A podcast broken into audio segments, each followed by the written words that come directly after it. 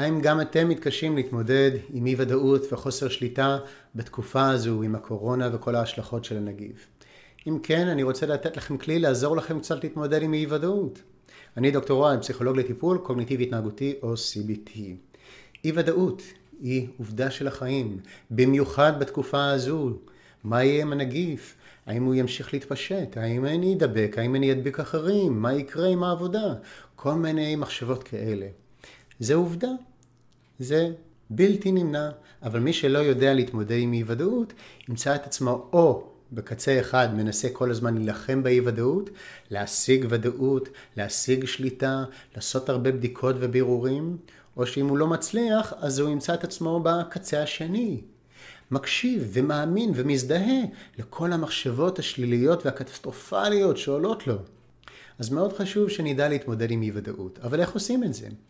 אז אני אתן לכם כלי אחד לנסות קצת לעזור לכם להתמודד עם אי ודאות. תשובות נוטרליות.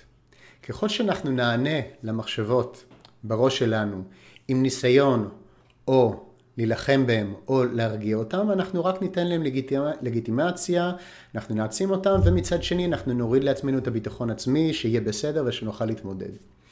ולכן, תשובות נוטרליות הן תשובות שלא באות עכשיו לפתור ברגע הזה את האי ודאות, אלא מלמדות אותנו להישאר באי ודאות ומחזקות את היכולת שלנו להישאר שם.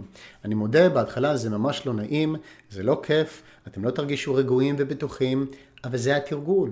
כמו הילד שצריך ללמוד להישאר בחושך באי ודאות של מה יקרה, רק ככה הוא מתחזק, אז גם אתם. אז איך עושים את זה? קודם כל צריך לזהות כמובן את המחשבות האלו, את השאלות, מה יקרה, מה צריך לעשות, אולי יקרה משהו רע. ואז אנחנו צריכים לענות עם תשובה נוטרלית. מהי תשובה נוטרלית?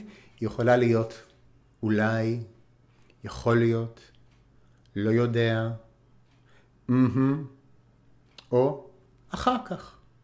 כל התשובות האלה הן תשובות מקובלות ובריאות.